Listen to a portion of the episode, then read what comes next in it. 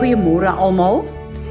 Ons is in 'n seisoen waar die Gregorian kalender afsluit na die einde van die jaar toe en outomaties is daar sekere goed wat so bietjie stadiger gaan, hopelik vir elke een van ons en waar ons ons gereed maak uh vir uh, 'n tyd van sommer net lekker rus en 'n lekker familietyd om bymekaar te kom, net om dan weer volspoed op te staan vir die nuwe jaar en al die uh verwagtinge en verantwoordelikhede van die nuwe jaar.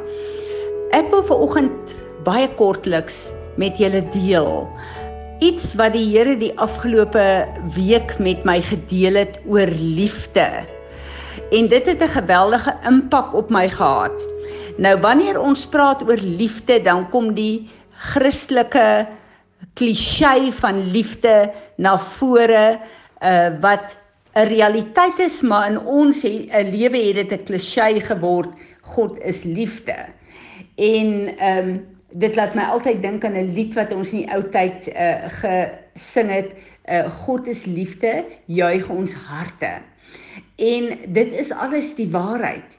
Maar wanneer daar gepraat word oor die liefde van God, is dit amper asof wat ons ons wil afsluit want Ons ken mos die liefde van God en ons het nou al baie preke daaroor gehoor en baie lering daaroor gehad. Wat kan nog gesê word oor liefde en ons verstaan oor liefde? Ek het geluister na 'n lering 'n rukkie gelede en hierdie lering het my regtig waar kom skud in my persepsie van wat liefde is. Nou as ons kyk na Johannes 3 vers 16, dan weet ons dat die ek wil amper sê die middelpunt van liefde, van God se liefde. En ek lees dit vir ons uit die Passion vertaling. For this is how God loved the world. He gave his one and only, his unique son as a gift so that everyone who believes in him will never perish but experience everlasting life. God did not send his son into the world to judge or condemn the world, but to be its savior and rescue it. So now there is no longer condemnation for those who believe in him, but the unbeliever already lives under condemnation because they do not believe in the name of God's beloved son.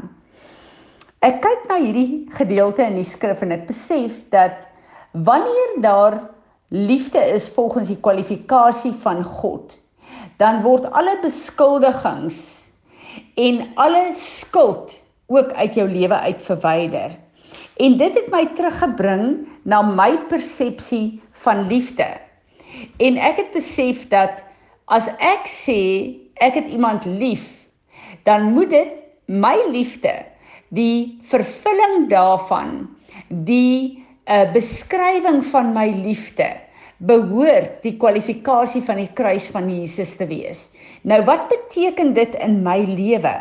Kom ek neem dit terug na die liefde wat ek en jy die beste ken op aarde. Kom ons praat oor 'n huweliksverhouding. Wanneer ek kyk na Johan en my en die manier wat ek hom liefhet, besef ek ek het soveel persepsies soveel verwagtinge, soveel kwalifikasies van hoe Johan my moet lief hê.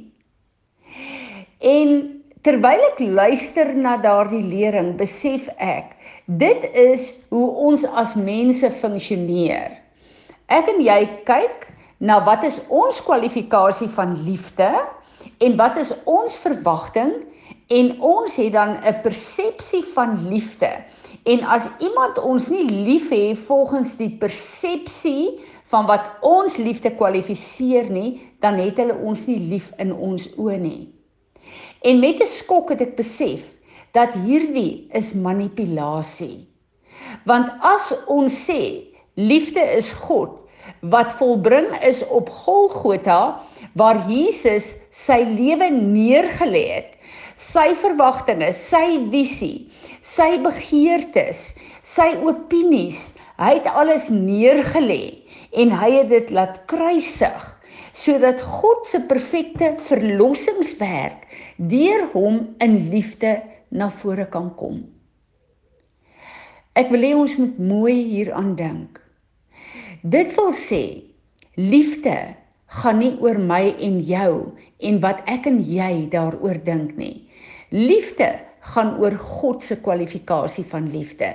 Wat beteken ek lê myself neer in die eerste plek vir my God. In die tweede plek vir my man, vir my kinders, vir my vriende. Ek lê my opinies en my liefde en my verwagtinge. Die Engelse het 'n mooi woord om te praat van entitlement.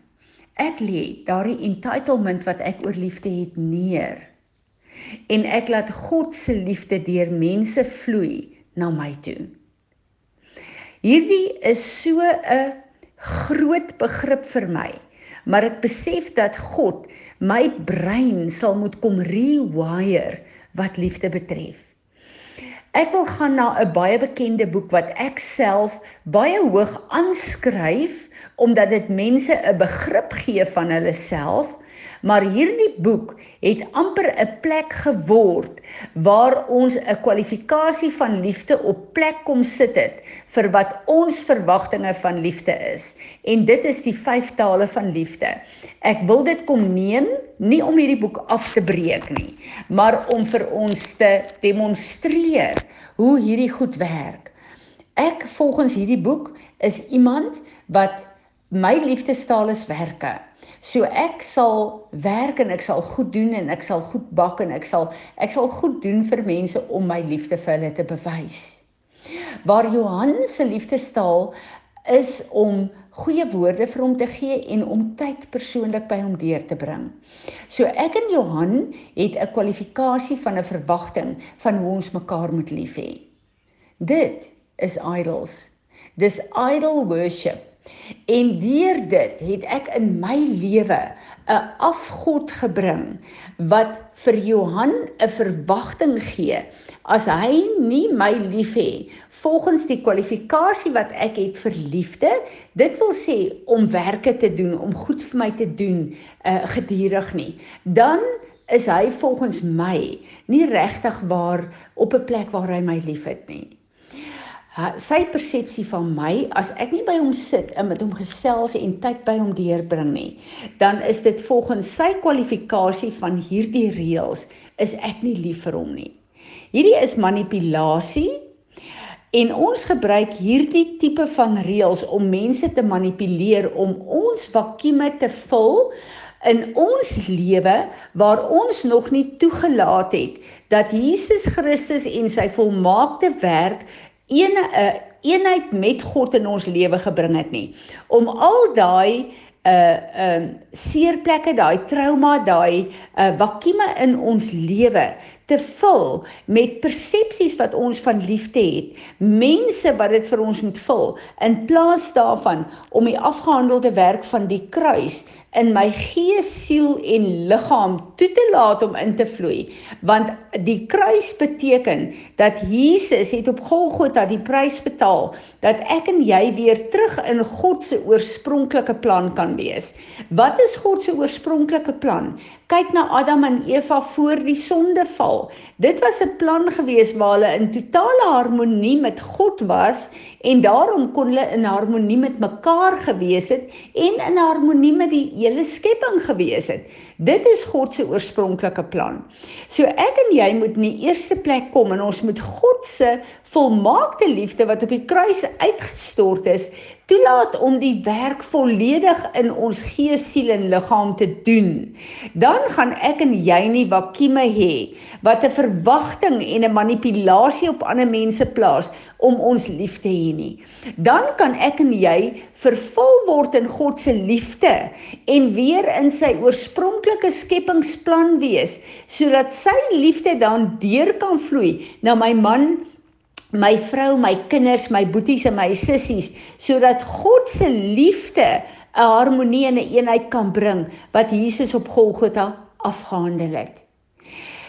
Ek besef net dat hierdie is vir my so 'n plek van verstomming dat ek nodig het om na ons Vader toe te gaan en te sê Here Kom leer my wat is die liefde van U wat volbring is op Golgotha.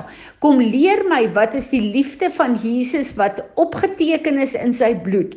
Kom leer my wat is die liefde van Christus wat in my hart U liefde moet volbring, in my lewe U liefde volbring.